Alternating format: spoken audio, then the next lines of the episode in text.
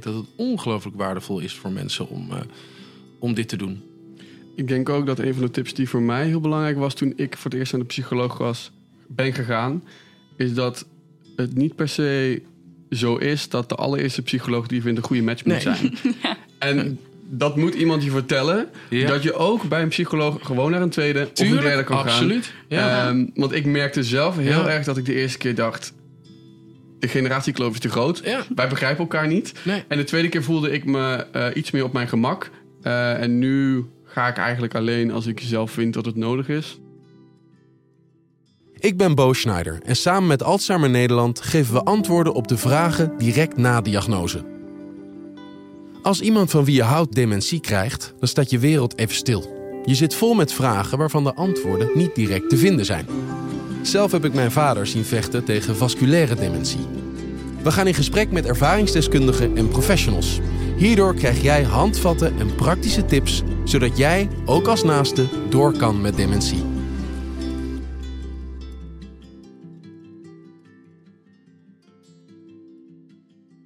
In deze serie bespreek ik met verschillende gasten belangrijke thema's over de eerste periode na diagnose. Ze kennen de moeilijke, maar ook de mooie momenten en delen met jou wat zij graag in het begin hadden willen weten. In deze laatste aflevering gaan we het hebben over jouw veranderende rol en hoe je daarmee om kunt gaan. Straks gaan we in gesprek met ervaringsdeskundigen. Voordat we daar naartoe gaan, bel ik weer met Ger Joken van Alzheimer Nederland over hoe je om kunt gaan met rollen die steeds meer veranderen na diagnose. Ger Joken, met Bo Schneider spreek je weer. Nou, hallo Bo. Hallo, fijn dat ik je weer even spreek. In aflevering 4 gaan we het hebben over de veranderende rollen en hoe je daarmee omgaat. Ik moet dan meteen, het eerste wat er in me opkomt is vooral als kind van iemand met dementie, hoe ongelooflijk moeilijk dat moet zijn. Dat je een dochter bent of een zoon bent, maar dat je misschien ook wel bepaalde verantwoordelijkheden gaat krijgen binnen de zorg. Nou, dat klopt. Als kind, ja, dan zit je natuurlijk in een bepaalde rol en het wordt op een gegeven moment compleet eh, omgedraaid. Hè? Want eh, daar waar je ouders altijd je grote voorbeeld eh, waren, dan zie je ineens dat, dat je vader of moeder met dementie, al gaat het maar om hele dagelijkse handelingen, die, die je helemaal niet meer zo goed Nee, kunnen uitvoeren. En, Nee. en ook de, de afhankelijkheidsrol. Jij was altijd afhankelijk van je ouders. Of altijd, hoop ik niet. Maar goed, lang wel. En ineens wordt eh, je vader of moeder afhankelijk eh, van jou. En dat is, Ja. dat is niet makkelijk om dat te zien en om daarmee om te gaan. Wij weten uit onderzoek dat eh, de, de gemiddelde zorg van de mantelzorg voor iemand met dementie ja, is bijna, is bijna 40 uur per week. Dat, dat is een volledige werkweek. Nou, stel je hebt, je hebt een, een fulltime baan, een gezin, eh, nou wat dan ook. Hoe organiseer je dat dan naast je, naast, Ja. naast, naast je werk? En, en je wil zoveel, maar hoe doe je dat? En, nou, ik, ben ook, ook, ik denk dat het ook heel goed is om dat ook van, van mensen die daarmee te maken hebben, om te horen. ja. Ik ga je op de hoogte houden van wat ik allemaal te horen krijg. Ja, nee, dat lijkt me heel mooi, want ehm, van de ervaringen van anderen kunnen we heel veel leren. Zo is dat. Dank, ik ga gewoon meteen aan de slag. Oké, ik Oké. hoor het graag. Dag. Wil je meer feitjes weten? Kijk dan op www.alzheimer-nederland.nl. Ik ben bij een ontmoetingsplek voor mensen met dementie. Zij kunnen hier terecht om creatief bezig te zijn, te zingen met elkaar, koffie te drinken en ervaringen uit te wisselen. Vandaag spreek ik daar Marlon en Daan. Zij werden op jonge leeftijd geconfronteerd met de dementie van hun moeder. Hoe zijn hun verantwoordelijkheden veranderd en hoe gaan ze hiermee om? Fijn dat jullie wat vragen mag stellen over jullie moeder. Zij heeft dementie, eh, Alzheimer. Klopt. Ja. En ehm, ik wil eigenlijk wel gewoon even weten hoe, hoe, hoe oud jullie zijn. Ik ben 27. Ja. En, Ja, jij? ik ben 24. en hoe oud waren jullie toen je te maken kreeg met een moeder die Alzheimer kreeg? Ik was 17, 18, ergens in die periode. Ja, toen ze de diagnose kreeg. Maar ik zou wel durven zeggen dat wij op de basisschool zaten toen we dat al merkten. Ja. Ja. Op de basisschool merkte je het al. Ja, ja. Jeetje. Is, is dat een lange periode geweest voordat het eigenlijk duidelijk was wat, wat het was? Ja, want dit was dus op de basisschool en ze heeft dus vijf jaar geleden de diagnose gekregen. Dus toen zat, zat ik op de unie. Dus ja. Maar komt dat omdat er niet direct actie is ondernomen eh, van, van- vanuit jullie? Had je moeder zoiets van, joh, ik wil, ik, wil, ik wil dit allemaal niet. En hoe kan je me daarin meenemen? Ja, ja nou, ze kan daar dus ook zelf heel goed over vertellen. Maar eh, eh, dat doet ze ook in de podcast die ik samen met haar daarover maak. Mhm. Maar Hoe heet die podcast? vergeten te vragen. Vergeten te vragen. Ja, omdat mama dus dingen vergeten te vragen. Ja. Maar mensen ook heel veel dingen aan mama vergeten te vragen. Ja, ja, ja. Eh, en mama heeft al echt heel erg haar best moeten doen om die diagnose te krijgen. Dus ze heeft eigenlijk zelf ook altijd het grapje gemaakt: ik heb Alzheimer light, omdat ze dus 15 jaar geleden al naar de dokter is geweest Ja. en die zei: nee, dat kan niet. En toen eh, ja, werd ze naar de psycholoog gestuurd en het was eh, een burn-out of het waren allerlei dingen, maar zeker geen Alzheimer of dementie. En toen ze eh, dus vijf jaar geleden nogmaals thuis kwam zitten met een burn-out, toen zei ze: ik wil het nu echt tot op de bodem uitgezocht hebben. En toen heeft ze eigenlijk bij iedere test was het wel een beetje raar, maar niet duidelijk dat er echt iets mis was. En ze zei: nee, we gaan het echt tot op het laatste ja, ja. dingetje uitzoeken. En toen eigenlijk bij de het laatste wat ze gedaan hebben, wat ze dan doen, is het hersenvocht afnemen. En toen zeiden ze: shit, we kunnen daar echt niet onderuit. Je hebt gewoon gelijk gehad. Ja, En kwam er toen maar- een berusting? eh, neem aan voor jullie allemaal. Of- ja en nee. Ja. Als een ja dat je eindelijk antwoord hebt op de onzekerheid die je altijd hebt gehad in je achterhoofd. Ik moet zeggen dat ik me vanuit die leeftijd er nog weinig kan, van, actief van kan herinneren. Misschien is dat ook wel bewust weggestopt. Maar ik denk dat vanaf dan eigenlijk pas ehm, emotioneel en in het gezin je rollercoaster begint. Ja, ja. ja. Maar dat onderzoek, daar, daar heb je altijd nog van... ja, maar misschien is het Ja. wel gewoon niet zo. ja, je hoopt toch altijd nog dat ze zeggen: nee, het is toch Ja, een ja. burn-out. ja. Maar ze wist zelf wel heel zeker dat het niet goed zat. En ik merkte ook wel dat eigenlijk naarmate die uitslag dichterbij kwam... dat ik ook wel tegen mensen zei, nee, het zit echt niet goed. En dat mensen ook tegen mij zeiden... oh, maar ik ben dat helemaal niet van jou gewend... dat je daar zo ja, wat negatiever over bent. Je bent normaal... Ja, ik had dat niet bij je verwacht. En dat ik dacht, nee, maar ik, het voelt gewoon nu niet meer goed. Nee. En ze wist het zelf zo zeker. Dus ja. En is dat dan, ik kan me ook voorstellen, als het al, jullie zo jong waren nog toen dit gebeurde, dat je ook een bepaalde zorg misschien wel bijna onbewust op je gaat nemen. En dat dat. Merk je daar merk je een verschil in die zin na de diagnose dat je dacht: oké, nu moet ik eh, alle hens aan dek daar echt verandering in aanbrengen? Of, of ben je gaan zorgen ook voor je moeder op den duur? Nee, wij willen eigenlijk... We hebben unaniem als gezin besloten... dat mama gewoon zo lang mogelijk, zoveel mogelijk zelf moet doen. Ja. Dus ze doet ook echt alles nog zelf. Eh, En soms met wat meer hulp van eh, papa. Maar over het algemeen doet ze zoveel mogelijk zelf. Maar ik moet wel zeggen... Ja, ik weet dat nu als je dat dan zo vraagt, denk ik... Oh, zou dat dan komen omdat we voor haar willen zorgen? Ik denk altijd dat het komt omdat we wat ze kookt niet lekker vinden. Ja, ja, maar ja. Ja, dat het wij veel kookten wel altijd is. vanaf de basisschool al thuis. ja, ja, ja. ja. Ja, ik- misschien onbewust. Ja. Maar ja, ik, eh, en we deden ook wel geregeld boodschappen. Maar we vonden dat volgens mij gewoon echt wel leuk. Want als je kookte, mocht je zelf bepalen wat je wilde eten. En mocht je zelf boodschappen doen. Ja, ja, dat is een groot voordeel. Ja, als kind speelt dat ge- zeker mee. Ja. Ik heb hier voor me staan. Wat hadden jullie niet verwacht aan de verzorgende rol die jullie gedwongen hebben moeten aannemen? Waren er eh, voor wat voor grote lokale Nou, ik denk dat te hetgeen wat ik misschien wel onderschat had, maar daar ben je ook denk ik zo jong voor als 18-jarige, is dat het, het verandert best wel je kijk op hoe je in het leven staat. En ook Ja. emotioneel hoe vaak het terugkomt. Maar het is niet één klap die je hebt en vervolgens leer je daarmee omgaan. Nee, de intensiteit wordt steeds heftiger. Ja. En dat is iets waar je op jonge leeftijd ja, anders mee om moet gaan. En het is ook niet iets waar je, sowieso niet iets waar je doorheen wil gaan, maar zeker niet Nee. op zo'n leeftijd. Ja, Nee. En denk ik, je bent zelf, je wordt gedwongen om daar doorheen te gaan en over bepaalde dingen na te gaan denken en op een bepaalde manier te, gaan, ja, te reflecteren op dingen. Dat doe je ook samen als gezin.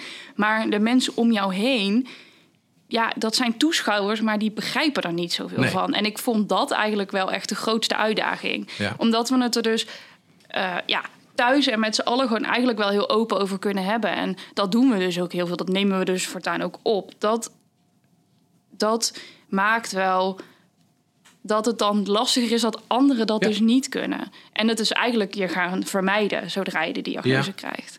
Het lijkt me ook bijna een ergernis waar je je niet overheen kan zetten. Dat als je je moeder met mensen in gesprek ziet die van niks weten, dat je die dan toch weer dingen ziet. Ja, ik merk dat we dat in de supermarkt wel een aantal keer hebben. En, en dat, ik merk dat jij, dus Marlon, een aantal keer wel actief daar gewoon op vakantie ook tegen, tegen onze moeder zegt: hey, maar vertel deze persoon nou eens waar je last van hebt. Ja. Dan kan deze persoon daarmee omgaan. Ehm, en ik heb dus ook als ik in de supermarkt maar sta en ik, ik laat mijn spullen op de band aan de ene kant staan bij mijn moeder, dat ze het vervolgens terug in de kar stopt voordat de cashier het gescand heeft. En dat die cashier dan zo mij aankijkt van, Ja, ja, ja, ja. ja. ah, dat ik gewoon ook tegen haar zeg, ja, sorry, eh, mijn moeder heeft Alzheimer, Ja, sommige dingen gaan gewoon niet zo soepel. ja. En ehm, dat. Ja, daar leer je mee omgaan. En ik, ik, ik vind ook dat in, als samenleving je daar, als wij hebben ook onze rol, de samenleving daar gewoon bewust van te maken en te zeggen, ja, dit is gewoon het geval. Dus, Maar so be ik, ik vraag dus dan wel, ik heb van tevoren aan haar gevraagd. Mama, mag ik voortaan als ik merk dat dat voor moeilijkheden zorgt en dat dat het voor mij ook moeilijk maakt om jou daarbij te helpen, tegen mensen vertellen dat je Alzheimer hebt? Ja. Omdat ik dus merkte dat ze daar zelf zo terughoudend in was. En uiteindelijk heeft ze toen gezegd, nou, ik vind het niet heel leuk, maar vooruit, het is wel beter. En ik merkte dus nu dat we twee weken geleden waren we winkelen, dat ze voor het eerst zelf tegen mij zei: Wil je even tegen die mevrouw gaan vertellen wat er aan de hand is? Ah, ja. Ja, en dat ja, maakt het voor iedereen gewoon fijner. Ja, Want dan krijgt ze, dan heeft ze wat meer rust. Dan voelt ze ook niet meer die druk van: oh, ik moet dit allemaal volgen en onthouden en begrijpen. ja. Want als die vrouw in de winkel dan zegt: oh, die broek die ik je net liet zien, wat vond je daarvan? Ja, Zie ik echt zo kijken: help me, welke broek? Waar heeft ze het over? Eh, is er iets eh, wat jullie... Hè, eh, stel dat er nu een zoon of een dochter is die hoort... hé, hey, mijn moeder of vader heeft net zo'n diagnose gekregen. Wat, wat zou je zo iemand dan willen aanraden of meegeven? Ik zou willen zeggen: luister naar onze podcast. Maar is Ja, ja, ja, ja, nee, zeker. Ja, weet je wat het is? En dat is echt niet om hier schaamteloze zelfpromotie te doen. Maar precies omdat wij dus zelf ook niet zo heel goed wisten wat we aan het doen waren. En Nee. wat je iemand moet vertellen. En om uit te leggen wat het nou precies betekent, zijn we dat gaan doen. Ja. En, en, en doet mama dat dus ook zelf. En ik denk dat dat dus de kracht is. Dat je voelt dat als iemand die diagnose krijgt... dat je met diegene zelf het gesprek nog aan kan Ja. gaan. En als dat dan soms iets minder soepel loopt... of het lukt niet of er gebeurt iets... hoe je daar dan eventueel ook op kan reageren. En niet omdat wij dat nou zo perfect doen. Nee. Maar om te laten voelen... dat is echt oké als dat gebeurt. En soms weten wij het ook niet. Ja, en ik denk aan de andere kant ook dat wat ik zelf heel erg nodig had, is dat ik er niet per se over wilde praten. Maar het luisteren vond ik wel heel fijn. En dat is wat ik heel waardevol vind aan hetgeen wat, we, wat jij gedaan hebt, Marlon, met, met, met onze moeder. Ehm, en ik merkte eigenlijk dat, dat, sinds, we dat sinds dat gedaan is, eh, als ik in mijn omgeving kijk, dat er heel veel mensen zijn die daarnaar willen luisteren, maar die dezelfde taal die wij in Nederlands, eh, in Nederland spreken niet spreken. Eh, maar wel de noodzaak hebben of het gevoel hebben: hé, hey, ik wil graag over de angst van het verliezen. Ja. Ehm, en de emotie die bij, daarbij komt kijken, praten als een jong persoon van tussen de 15 en 35, laten we het Ja, zo zeggen. Ehm, dus ja, we zijn bezig om datzelfde te doen in het Engels, maar dan niet gefocust op Alzheimer, waar wij wel ons verhaal delen. Maar we praten wel met mensen die weten hoe het is om een persoon te verliezen of die Ja, angst te ja. hebben. Mooi. Ehm, om die jonge doelgroep, zeg maar. Ja, wat, wat jij net ook heel mooi zegt, is eigenlijk.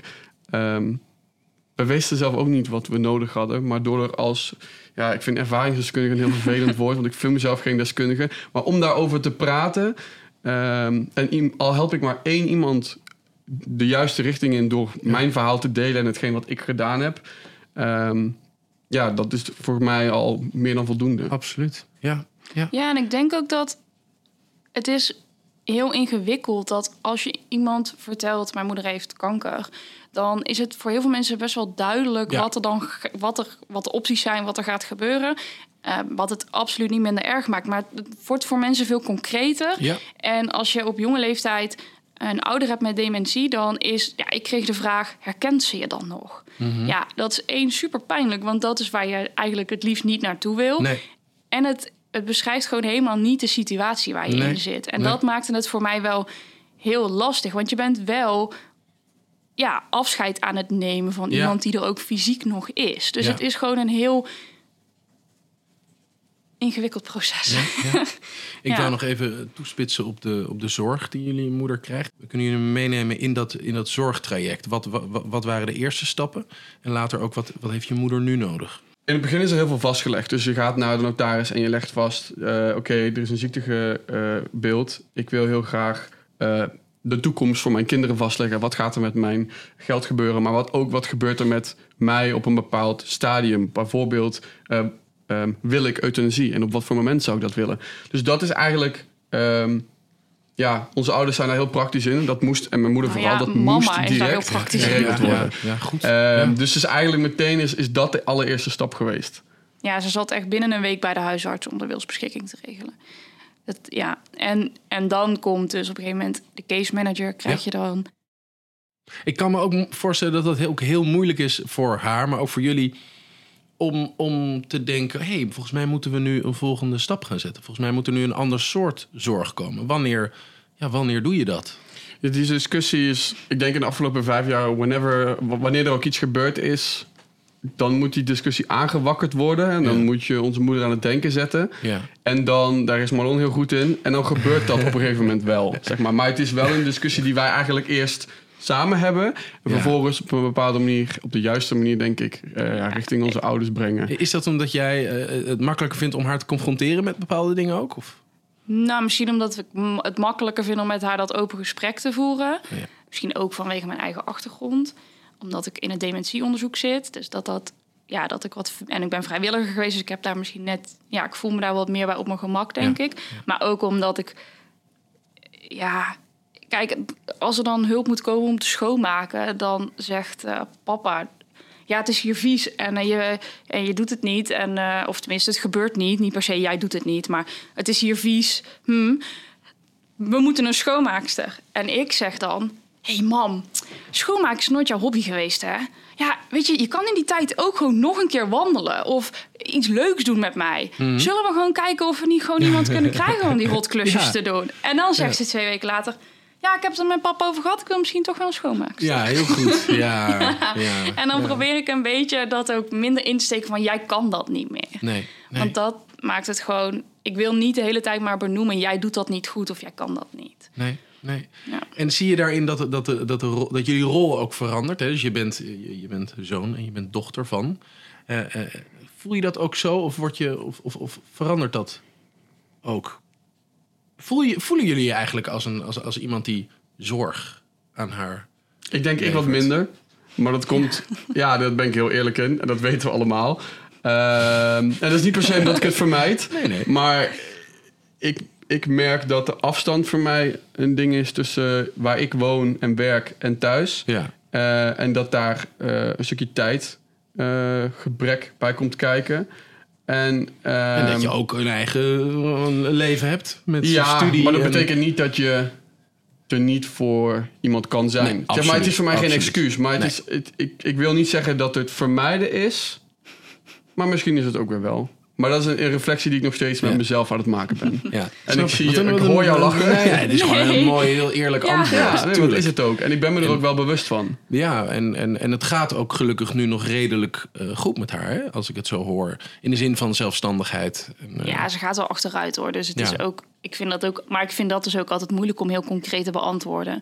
Omdat als mensen aan mij vragen hoe gaat het met haar, dan is het standaard antwoord ja, het gaat wel goed, maar ze gaat wel Mhm. Ja. achteruit. Maar het verschil tussen ja, in hoeverre ze achteruit gaat en Ja. wat dat dan betekent en concreet, dat is gewoon heel moeilijk om Tuurlijk. aan te geven.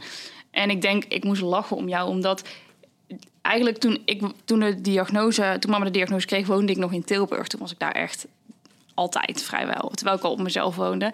En omdat Daan dus altijd de Amsterdam-kaart kon spelen, ja, ben ik ja, ja. uiteindelijk verhuisd naar Den Haag. omdat ik dacht, ik moet gewoon fysiek wat meer afstand creëren ook hiervan, zodat ik het, ja, zodat het ook te doen blijft. ja, ja, ja, ja. En ik denk wel dat, ja, dat ik misschien iets concretere dingen in de, in de zorg, of in ieder geval in het helpen doe. Maar ze komt ook, ja, ze belt mij daar ook makkelijker voor. Dus Ja. dat helpt ook. Maar hoe is het dan En- voor jullie vader dan? Want die is, die, zijn die nog... Die zijn samen, ja. En, en, Ja, dit vragen dus ook altijd mensen, omdat het altijd gaat over ons. En we papa eigenlijk heel weinig benoemen, omdat hij dat... Hij vindt het heel moeilijk om erover te praten. Hij doet het meest. Hij helpt mama met het... eh, en dat zijn dus die kleine dingen die Ja. bij elkaar best veel zijn. Maar met het aanzetten van de oven. Of met het eh, helpen met de tafeldekken. Of, en nou ja, dat zijn dan hele kleine concrete dingen. Maar maar heel veel kleine concrete dingen die natuurlijk een buitenstaander niet ziet. Die voor hem natuurlijk Ja. een behoorlijke impact hebben en, op zijn leven. En die je dus ook niet, merk ik altijd, niet zo heel makkelijk benoemt. Dus het lijkt dan altijd alsof ja, we krijgen heel vaak de vraag: zijn jullie ouders dan nog samen? Ja, ze en nog ze bellen ons dan bijvoorbeeld om de verzekering te regelen. Omdat mijn vader dan denkt, ja, Ja, op een gegeven moment dan zijn al die kleine dingen wat jij ook zegt, zijn gewoon heel veel. en dan ga ik op eh, tweede kerstdag eh, alle verzekeringen af, zodat alles geregeld is. En ja, die rol, die, die neem je dan. Dat ja, voelt dan heel natuurlijk. En dat moet ook gewoon geregeld worden. Het is niet de leukste job, Nee. maar het Nee. moet wel. Nee, maar Nee. ik probeer dus ook wel echt tijd te maken om nu één keer in de twee weken gewoon echt iets leuks te doen. Dat ik daar ook Ja. ben, een dag voor, met aandacht en liefde voor haar, zonder alleen maar dingen te moeten regelen. En het is misschien een stomme vraag, maar gaat het, gaat het zo snel dat je die sprongen ziet? Of, of, of bouwt Ik, dat... ik denk dat voor mij het dagelijks leven went. De dagelijkse dingen die onze moeder doet. En alle dingen die buiten dat ritme vallen. Dus vakanties of iets anders. Mhm. Ehm, daar is, de conf- is het voor mijn moeder een, een soort stressomgeving. En dan is het gewoon zwaarder en moeilijker. En dan Ja. is het heftiger. Eh, en dan merk ik ook voor mezelf dat het... Ja, eh, na zo'n week op vakantie heb ik ook wel even een paar dagen rust nodig. Terwijl je Ja. normaal zou zeggen... je gaat op vakantie om tot rust te komen. En dat, Ja. dat doe je ook vanuit werk, universiteit, whatever. Ehm, maar ik merk dus dat vanuit zo'n vakantie... ik ook wel even een paar dagen mentaal op Tuurlijk. nul moet. Ja.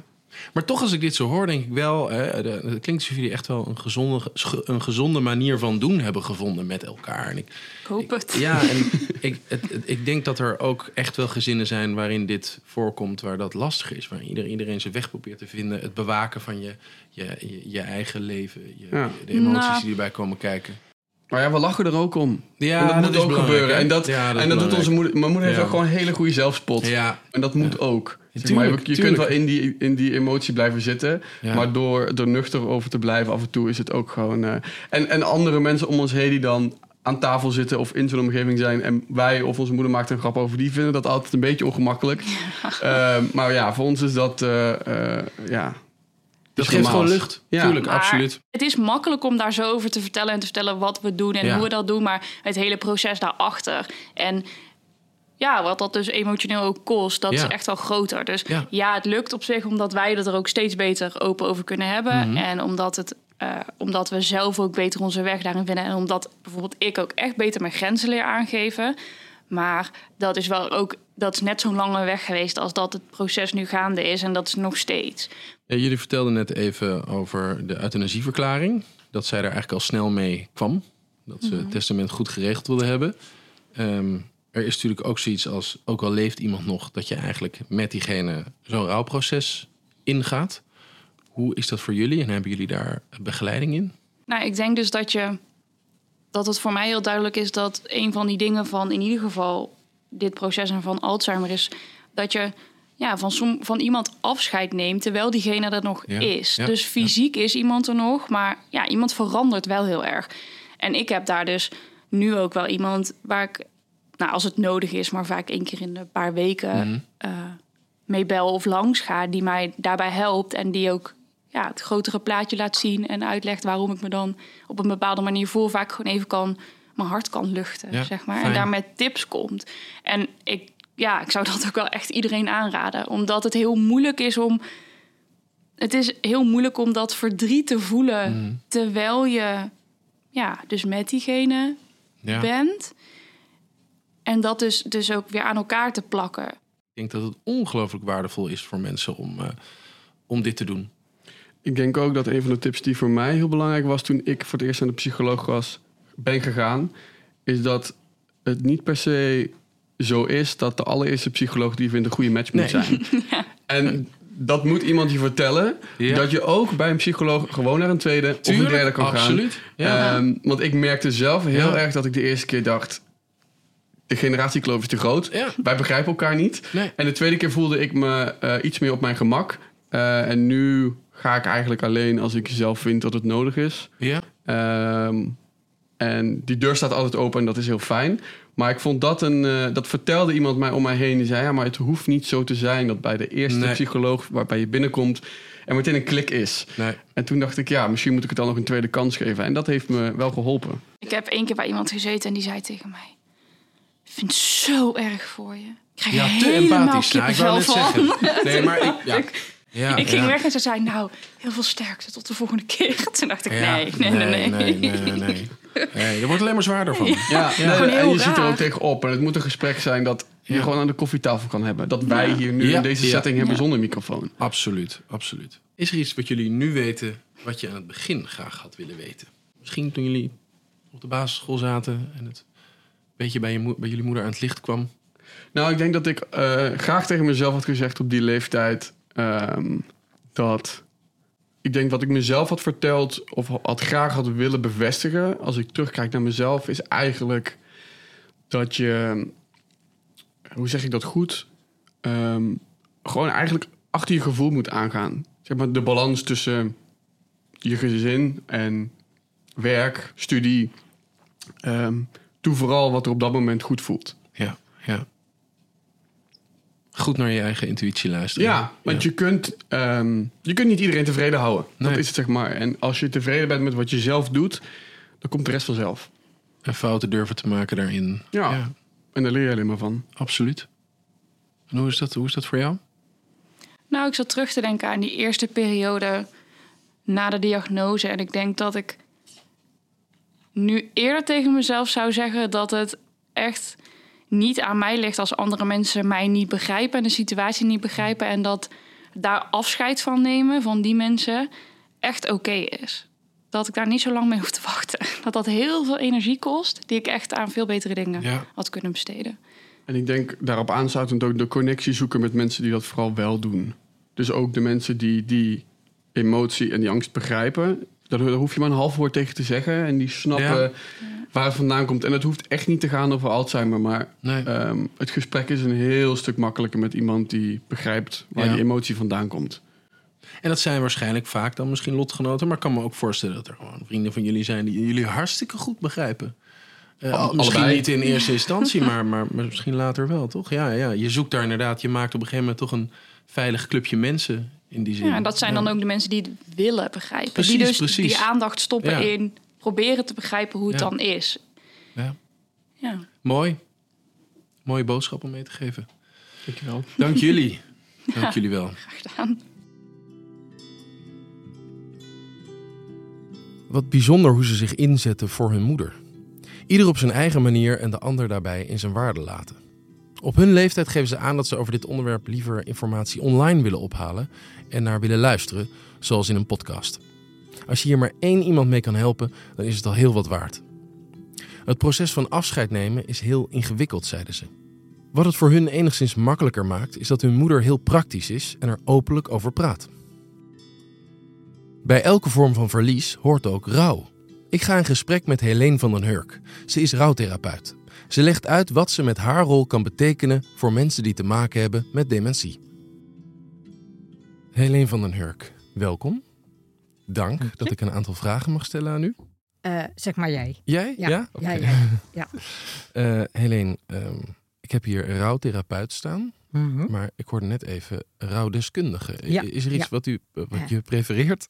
Eh, rouwdeskundige. Wat ik doe is rouwtherapie. Ja. Maar ik vind mezelf rouwdeskundig. Ja dat, ja, dat denk ik wel dat ik dat mag zeggen. Ja. Ja. En, en kun je aan de mensen die luisteren uitleggen hoe je in, in dat vak terecht bent gekomen? Door eh, eh, sociaal dienstverlener en maatschappelijk werk heb ik dit, ja, ben ik dit gaan doen. En toen kwam ik erachter, gaandeweg mijn huisbezoeken en mijn werk, dat er eh, veel vragen waren omtrent een hulpverlening. Maar dan hoorde ik dat daaronder een verlies zat wat niet verwerkt was. En toen dacht ik, ja, daar moet ik iets mee doen. En toen ben ik me steeds verder gaan specialiseren en deskundigheid aangeleerd op van allerlei vlakken en gebied. Eh, totdat ik ben wat ik nu ben. En ik heb al een praktijk Ja. sinds 23 jaar ongeveer in Duiven. Ja, met heel veel plezier.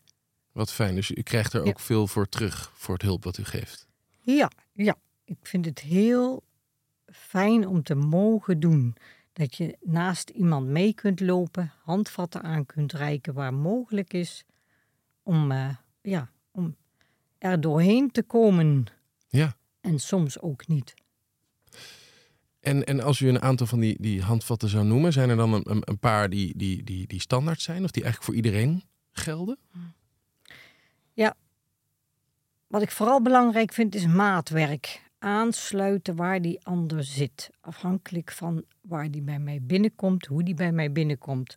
Wat de draagkracht is, wat de veerkracht is. En dan, heb ik, eh, eh, ja, dan kijk ik eh, wat ik kan aanbieden op dat moment. En ja, er zijn een aantal fases die er altijd zijn. Maar dat hoeft niet per se. Nee. Nee. En hoe benadert u rouwverwerking bij mensen die getroffen zijn door dementie? En hoe verschilt dit van andere vormen van rouw? We hebben het hier over rouw bij leven. Ja. En rouw bij leven is toch anders dan eh, ja, als iemand overleden is of iemand gaat overlijden. Ja. Het is een heel andere vorm van rouw. En, en wat is er zo ontzettend belangrijk om dat proces, hè, het is belangrijk om dat proces dus al te beginnen als iemand nog leeft. Waarschijnlijk voor degene, voor de patiënt zelf, maar dus ook vooral voor de naaste. Ja. Eh, wa- wa- Wat is het grote verschil, denkt u, met dat niet te doen en dat wel te doen? Dat proces al te starten als iemand leeft. Ik denk dat het grootste verschil is dat je jezelf daarin niet verliest. En er ook een plek is voor jezelf.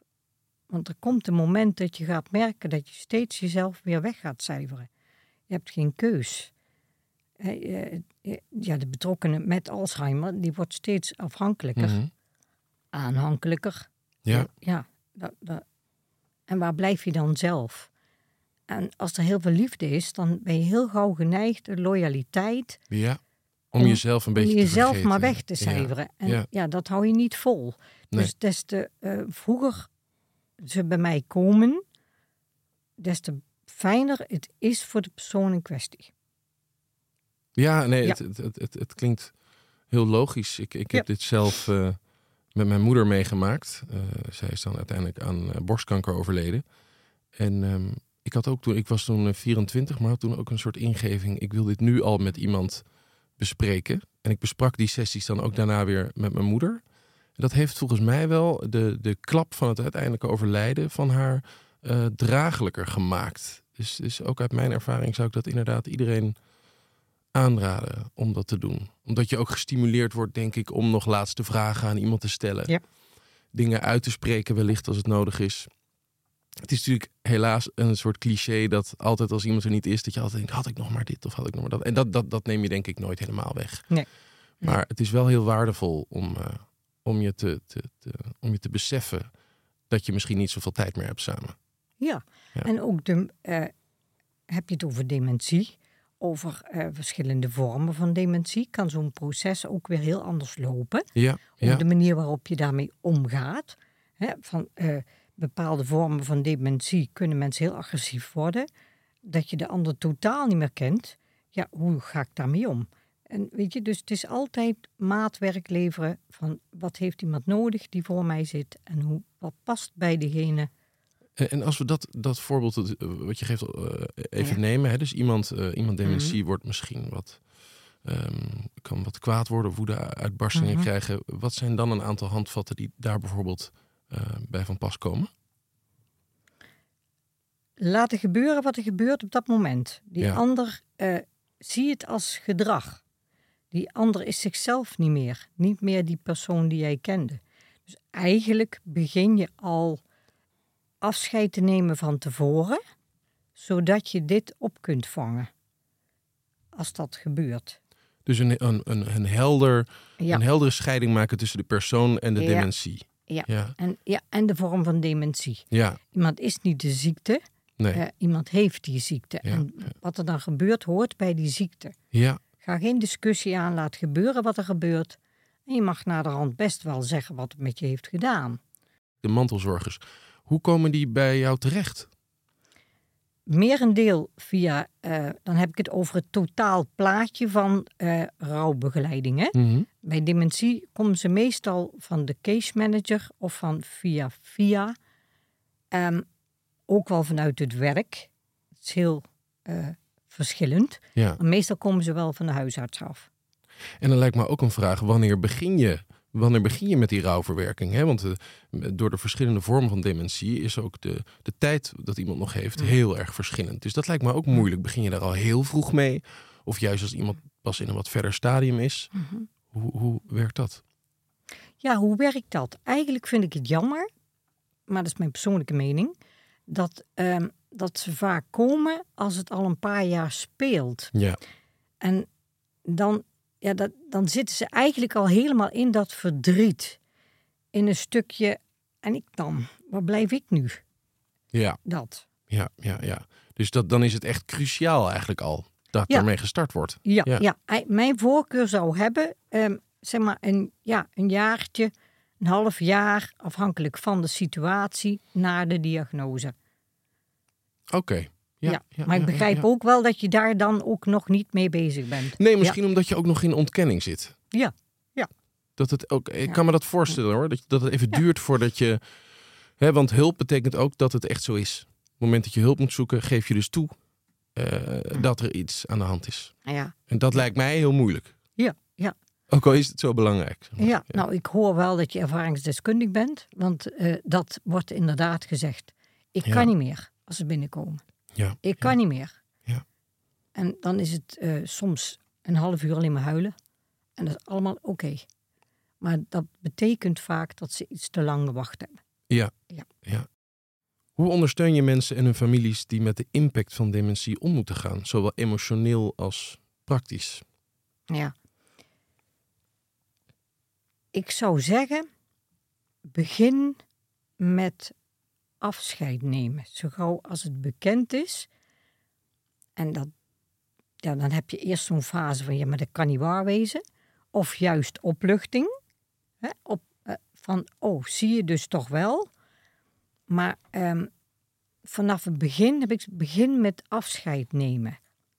Bouw herinneringen op. Want die heb je straks nodig in een later proces. Misschien is het dus, start het eigenlijk eh, bij het besef. Hè? Wat je zegt, begin met afscheid nemen, hoeft wellicht niet direct heel concreet.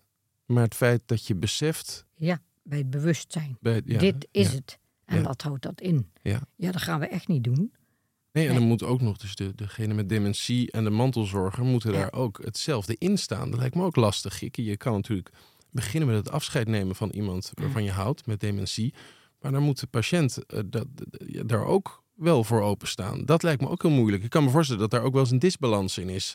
Dat de persoon Ja. met dementie nog heel erg in die ontkenning zit. Ja, Terwijl je eigenlijk heel Ja. graag liefdevol afscheid wil nemen van diegene. ja, maar dat doe je, eh, dat afscheid nemen, dat moet je letterlijk nemen in je gedachten, Ja, in je bewustzijn. Ja. Maar ja, we gaan nu nog carnaval vieren. ja, Hoe zal dat volgend jaar zijn? Die vorm van bewustzijn. ja. Hoef je me niet te delen met, degene, met de betrokkenen. Du- du- Dus je Ja. stelt je leven al een beetje voor je. Ja, Ehm, Ja. Je ziet dat voor je zonder die persoon. ja of anders. Ja, Hoeft niet eens zo gelijk zonder, maar Nee. anders. Van, van hoe lang zou dat dan gaan duren? Eh, van, joh, nou kunnen we niet meer gaan, samen gaan vissen. Hoe Nee. lang zou dat duren? Ja. Voordat het dan niet meer kan. Het bewustzijn van dat dat gaat komen. ja. En dat deel je meestal niet met de eh, betrokkenen met Alzheimer. En ik denk ook hè, dat daar een groot verschil zit met eh, wat ik doe als rouwtherapeut. Ik ben er voor degene, voor de naasten, ja, voor de mantelzorger. ja. Hoe begeleidt u familieleden die hun rollen en verantwoordelijkheden moeten aanpassen als gevolg van dementie? En hoe ondersteun je hen in het verwerken van deze veranderingen? Dus je bent een Ja. zoon of je bent een dochter. Mhm, Je moeder of vader krijgt te maken met dementie. mhm. En je wordt misschien uit die rol van zoon of dochter gehaald. Ja. En, en dat, je leven verandert. Ja, je leven Moeilijk. verandert. Ja. Ja. Ja, Verwachtingen bijstellen. En dat is ook weer zo'n langzaam, onbewust proces. En dat wordt steeds duidelijker. En dan kan je er niet meer omheen. En dat, ja, het is verwachtingen bijstellen. Ja, En eh, het plaatje verandert. Wat doet dat met jou? En wat doet dat met samen? Joh, we hadden ons dat zo anders voorgesteld. Hè, ik, ik noem maar even wat. eh 55, allebei vroeg pensioen. ja, En we wilden nog van alles. En nu kan het niet meer. En ja, daar zou je dan aan kunnen denken. Verwachtingen bijstellen. Ja. En hoe ga je daar dan mee om? Een stuk frustratie. Ja, en ik denk ook die Ja. frustratie gewoon ook wel eh, volledig durven te uiten. En, en, en, eh, hè, en het kan natuurlijk ook gebeuren dat je, Mhm. als ik dan weer even uit eigen ervaring met mijn vader spreek, die vasculaire dementie had, Mhm. die, eh, wa- waar ik dan ook in het begin had ik soms best een kort lontje. En dan werd ik even heel streng tegen hem. Mhm. En dan had ik daar daarna wel spijt van. Maar Mhm. ik heb mezelf dat ook wel weer vergeven. Omdat ik dacht, ja, voor mij is dat ook nieuw. Ik, word er, ik zie gewoon mijn vader. Ik wil er gewoon normaal tegen kunnen praten. Ja. En als hij apart of vreemd reageert, ja, dan kan er bij mij wel eens eh, eh, Mhm. eh, vanuit frustratie eh, behoorlijk, behoorlijke emoties loskomen. Ik denk toch ook belangrijk jezelf dat te vergeven, toch? Dat hoort erbij. Ja, wat ik dan zeg is, joh, je lijkt wel een mens. Hoe bevorder je zelfzorg en het vermogen van families om op lange termijn met het verlies om te gaan? Heel goed voor jezelf zorgen. Daar hoort onder andere bij, waar we het net over hadden, van ehm, knal het eruit. Gooi het eruit. Maakt niet uit wat. Ja. Dat moet, want anders hou je het niet vol. Want eh, Ja. jou- jouw rol blijft Ja. ook als degene is overleden. Eh, eh, Meestal daarna nog wel. Ja. nog een, enige maanden. ja, Want ik vind goede nazorg belangrijk. ja. Ja. En dan zou iemand eventueel Ja. daarna over kunnen gaan tot een andere vorm van therapie of met een Ja, dat andere kan. zorgprofessional. Ja, Ja. Ja, dat kan. En een van de dingen die ik ook zeg, zorg goed voor jezelf. Kijk wat jij nodig hebt. En dat is voor iedereen verschillend. Dat kan zijn eh, tuinieren, koken, sporten. Het maakt niet uit wat. Eh, zak door met je vrienden. Ja, Eh, ja, ga ja, een dag naar de sauna. Maar regel het, want anders hou je het niet vol. Nee. En ik leg dat meestal uit in ehm, bepaalde methodieken die ik dan heb. Die zijn nogal beeldend. Dat gaat niet zo werken eh, in een podcast. Maar dan begrijpen ze beter wat ik daarmee bedoel. Omdat ik het dan in een beeldvorm zet. En en zou je toch kunnen proberen om daar één één voorbeeld van te geven? Van zo'n methodiek? Dat zou kunnen zijn een ehm, systemisch eh, op een systeemopstelling. Mhm. Van als jij jezelf zo wegcijfert, wat blijft er dan nog van jou over? Ja. Dat zou een vorm kunnen zijn. Om iemand te confronteren met Ja. hoe belangrijk het is om met voor hoe jezelf belangrijk te zorgen. dat is. Ja, Ja. ja. En eh, dat is een vorm. En ook loslaten. Loslaten van de situatie op dat moment. Als je niet goed voor jezelf zorgt en niet op tijd goed los durft te laten, Mhm. dan kan je ook niet weer er zijn. Zie het maar als een batterij opladen. ja. En dat helpt als je dat in beeldende vormen kunt eh, laten zien.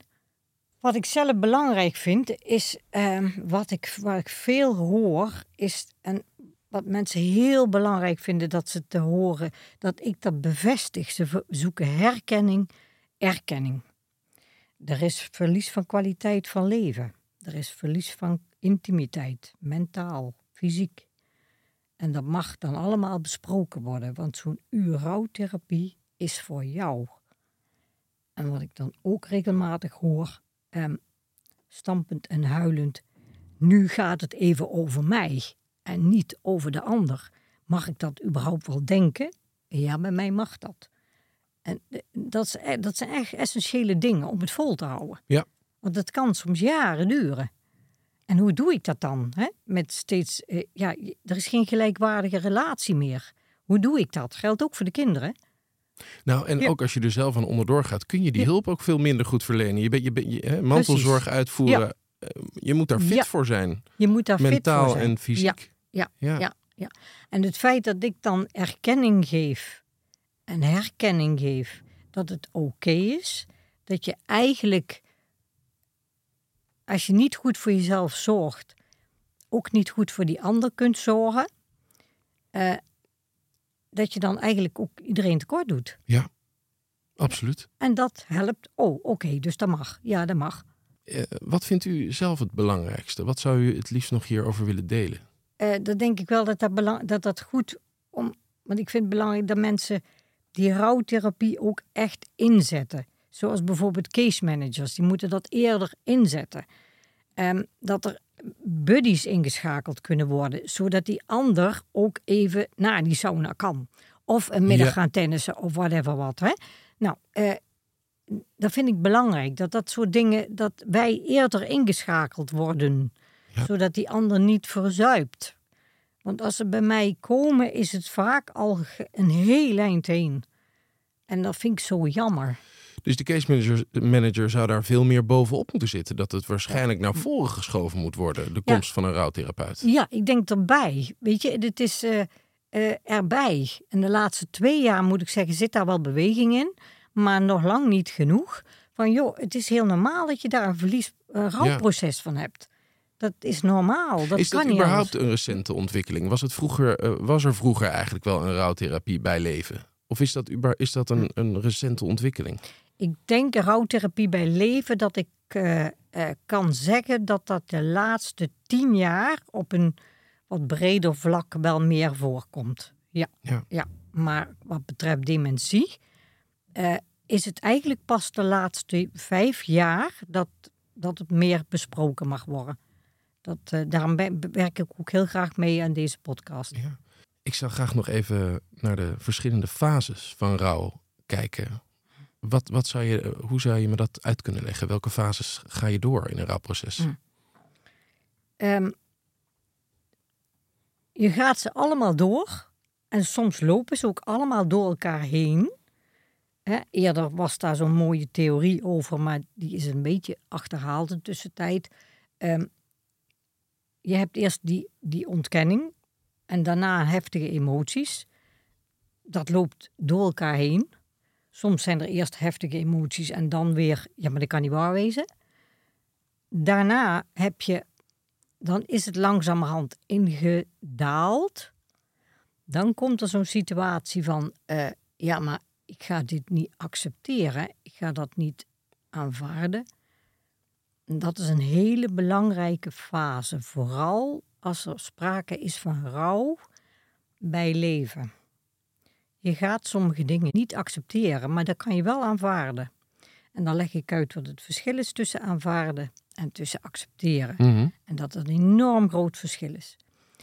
En dan wordt het wat meer behapbaar.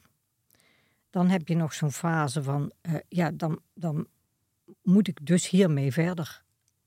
Dat is Dit- het aanvaarden. hè? Dit, dit, dit, eh, dit, is het, dit is het dus. Ja. ja, dat komt pas, die, die fase. En wat ik al zei, ze lopen allemaal door elkaar heen. Ehm, die komt pas op het eind. Van hoe ga ik hier daarmee om? Want Ja. het is dus echt zo.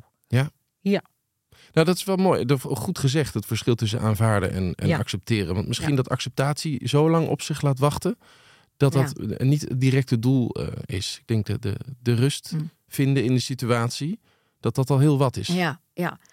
Eh, als ik mensen uitleg hoe, hoe, hoe ik daarnaar kijk, dan zie ik dat er veel meer berusting is. Zo van accepteren klinkt heel hard. Ja, accepteren doe je vanuit je hoofd. Ja, En er zijn dingen die ga jij niet accepteren. Als jouw kind overlijdt, ga jij nooit accepteren.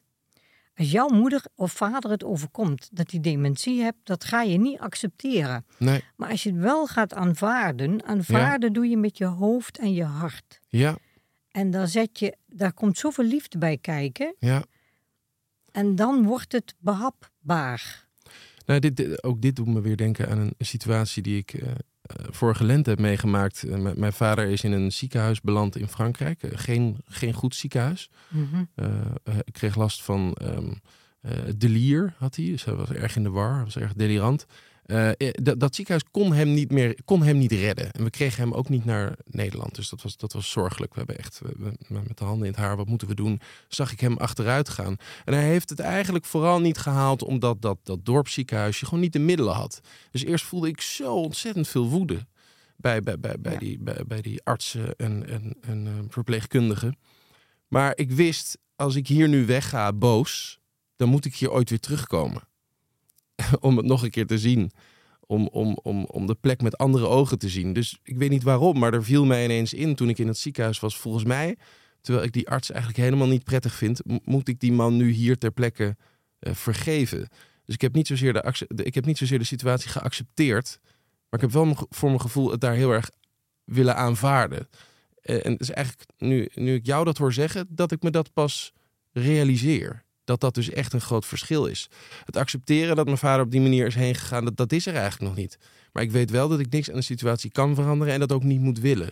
Dus dat lijkt me behoorlijk in de buurt komen van aanvaarden, geloof ik. Heb je mooi gezegd. Had ik niet beter kunnen doen. Nou, fijn. ja. Nou, ja, dat is het. Als je Ja. aanvaardt in liefde, kan je ook verder. Ja, Als je in accepteren blijft hangen, dan zit Ja. daar vaak ook nog een laagje boosheid onder, bo- een laagje verdriet. ja, Dan kom je niet verder in die lagen van verwerking. nee. Daarmee om leren gaan. Het is natuurlijk ook vaak het lot. Weet je, er, er is zeker in het geval van een ziekte. Je kunt niet iemand eh, de schuld geven. Dat, dat, dat is ook soms moeilijk, lijkt me. Hè, Zo'n ziekte is er ineens. Er, er is niet, waar komt het vandaan en waarom is het er? Dus dat, het lijkt, dat lijkt mij vooral ook heel moeilijk. Of wie of wat moet je boos zijn? Dat Ja. lijkt me ook moeilijk. Ja, maar je het mag wel. frustratie gaat, mag wel, maar je frustratie gaat dus hop, zo eh, in, in- Ja. in de, de- alle kanten op. Maar het heeft geen, het is nergens specifiek naar. Ja. Dat lijkt me heel moeilijk. Mhm.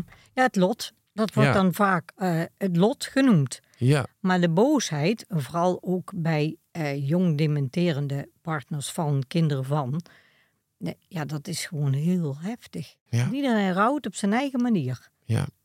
Er luisteren op dit moment eh, hoogstwaarschijnlijk eh, mantelzorgers. Eh, Is, is er een eh één of een aantal adviezen dat u zegt? Neem dat mee. Dat, dat, dat, dat Ja. gaat je helpen. Als, eh, als het echt lastiger wordt, zorg voor structuur. Zorg voor duidelijkheid. Dat helpt enorm.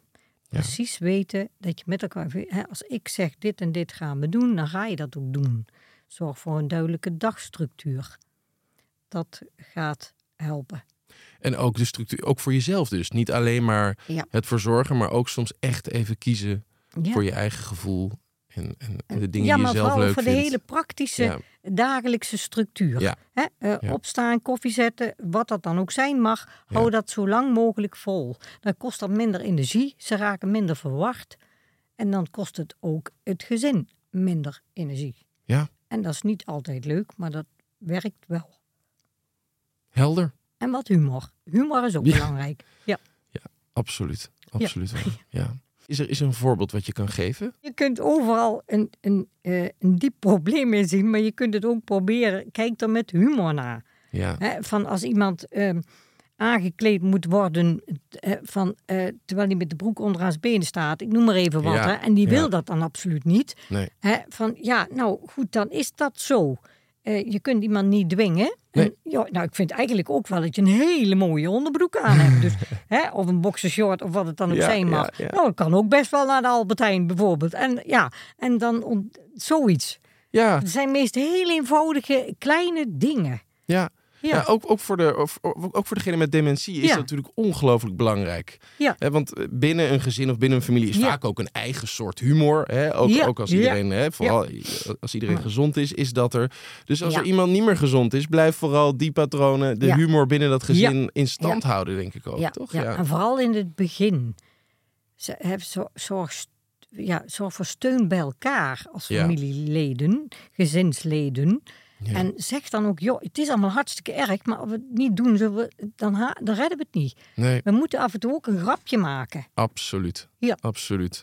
Ik herinner me dat ook nog heel goed aan, eh, aan, aan afscheid nemen van mensen in mijn familie in, in, in, in de hosp dat, dat zelfs in een hospice, in de allerlaatste uren van iemands leven, de laatste dagen, dat daar zelfs nog ruimte is voor licht Ja, en, en humor.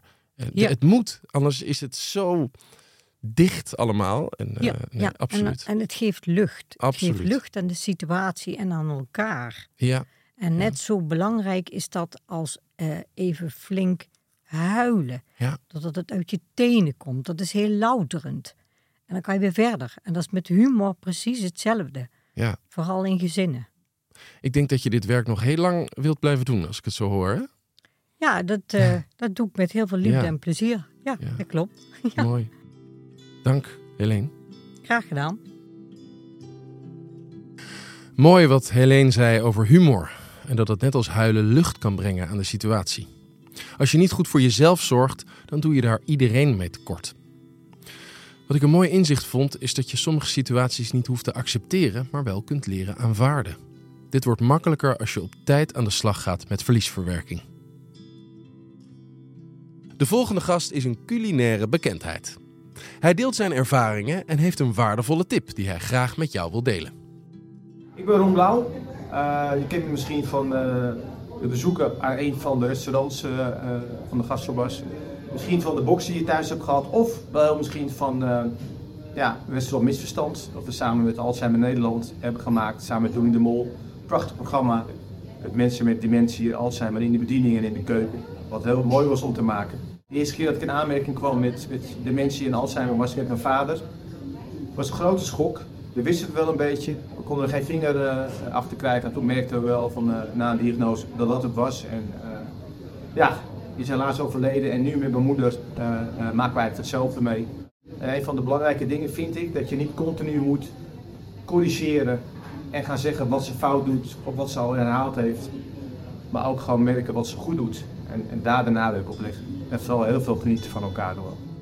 Graag wil ik Marlon en Daan Smijtink, Helene van den Hurk, Ron Blauw, Tony Media en Alzheimer Nederland bedanken voor jullie bijdrage.